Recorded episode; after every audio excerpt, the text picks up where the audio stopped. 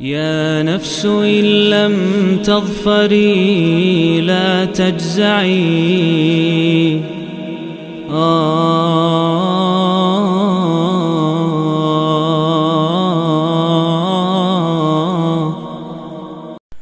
بسم الله الرحمن الرحيم الحمد لله والصلاة والسلام على رسول الله أما بعد Di serial 114 hari menyambut bulan Ramadan ini Kita sekarang sudah tiba di surat An-Naml Surat yang ke-27 Surat An-Naml merupakan surat Makiyah yang turun setelah surat Asy-Syu'ara dan turun sebelum surat Al-Qasas. Yang berarti surat Asy-Syu'ara, surat An-Naml dan surat Al-Qasas urutan mushafnya sama seperti urutan turunnya.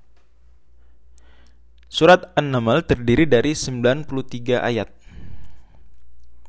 Dan disebut dengan An-Naml yang artinya semut karena Allah Subhanahu wa taala di ayat 18 dan 19 surat ini menyebutkan uh, tentang semut an-naml dan penyebutan tentang kata an-naml semut tidak ada di selain surat ini.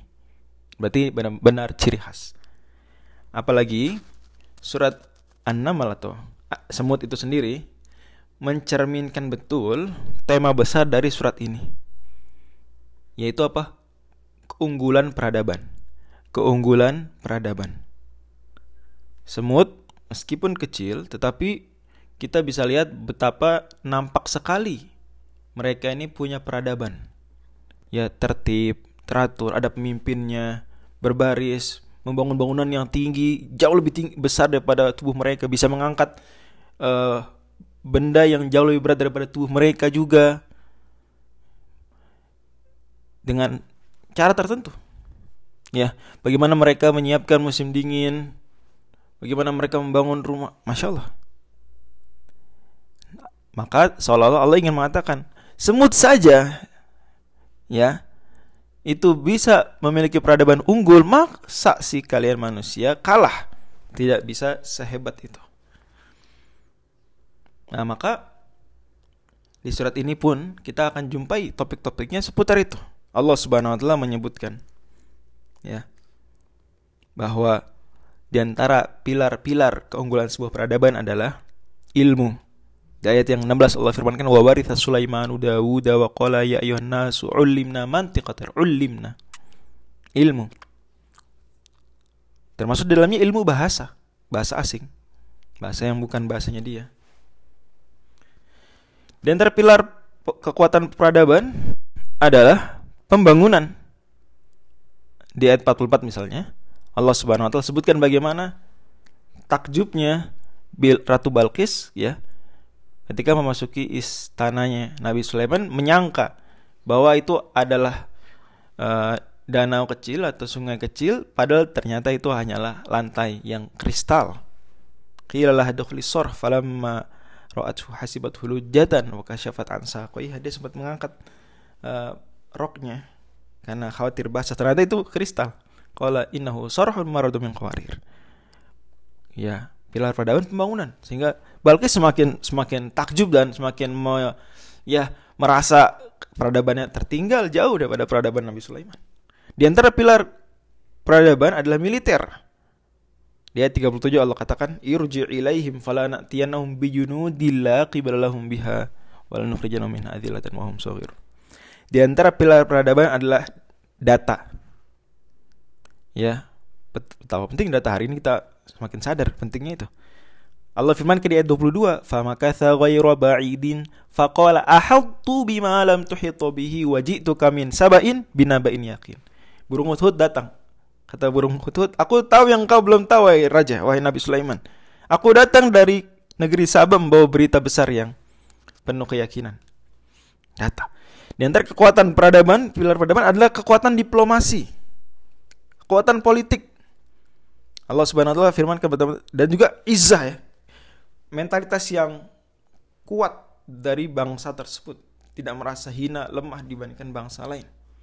Allah firmankan tentang hal tersebut di ayat 36 Allah firmankan falam maja Sulaimana qala atmiduna bi bimalin fama atani Allah khairum mimma atakum ba antum bihadiyatikum tafrahun Ketika mereka datang karena Nabi Sulaiman membawa hadiah, mau menyonggok dalam tanda kutip, Maka kata Nabi Sulaiman, kalian mau ngasih aku sesuatu yang Allah sudah kasih aku jauh lebih baik daripada yang kalian bawa tersebut daripada yang daripada apa yang kalian peroleh selama ini. Kalian senang dengan hadiah itu, padahal itu kecil sebetulnya. Kurang lebih seperti itu. Di antara pilar peradaban adalah teknologi. Allah Subhanahu wa taala di ayat yang ke-40 sebutkan ya ketika Nabi Sulaiman ya bertanya siapa gerangan di antara kalian yang bisa? Mayyatini bi arsyah qablan ya'tuni muslimin. Datang mendatangkan singgasananya Balkis dari Yaman ke Yerusalem ke Palestina Al-Quds. Jauh dari Yaman di selatan paling ya termasuk paling selatan semenanjung Arabia sampai ke utara semenanjung Arabia di Syam. Maka ada yang bilang, oh saya bisa datang sebelum, mendatangkannya sebelum engkau berdiri. Ada yang bilang, oh saya bisa lebih cepat daripada itu sebelum ber, ber, berkedip mata engkau, hai Nabi Sulaiman. Ya. Qala alladhi indahu ilmun minal kitabi ana atika bihi qabla an yartadda ilaika tarfuk. Dan terlepas dari bagaimana mekanismenya dan seterusnya, tapi ini isyarat pentingnya teknologi. Ya transportasi ya atau sejenisnya teknologi pilar peradaban penting. Tetapi Allah Subhanahu wa taala kemudian ya membawa kita kepada ke luar biasa ciptaan-ciptaannya seraya mengulang ilahum Allah ada apakah ada ilah selain Allah? Apakah ada ilah selain Allah? Ingin menyadarkan jangan sampai kehebatan peradaban membuat kalian merasa tidak lagi butuh Tuhan. Mengatakan Tuhan sudah mati. Tidak justru apa yang kalian punya itu dari Allah. Maka Nabi Sulaiman pun berdoa menyadari betul bahwa ini nikmat Allah ya. Qala hadza min fadli rabbi liyabluwani ashkuru am akfur. Bahkan ini adalah ujian apakah bersyukur atau tidak. Karena di ayat 19 jelas bahwa fungsi daripada nikmat peradaban yang Allah berikan agar disyukuri. Ya. Nah, Nabi SAW berdoa, Robi auzi'ani an ashkura ni'mataka. Kemudian setelah itu Allah sebutkan tentang uh, kaum Thamud, kaumnya Nabi Lut, Bani Israel, di mana mereka semua tertipu dengan peradaban sehingga malah mendustakan Rasul, sehingga malah berbuat durhaka, melakukan dosa-dosa besar. Allah juga sebutkan tentang Yajud dan Majud di akhir surat. Isyarat bahwa mereka nanti kelak datang bangsa yang tidak berperadaban justru malah menghancurkan peradaban. Peradaban peradaban menghancurkan. Wallahu a'lam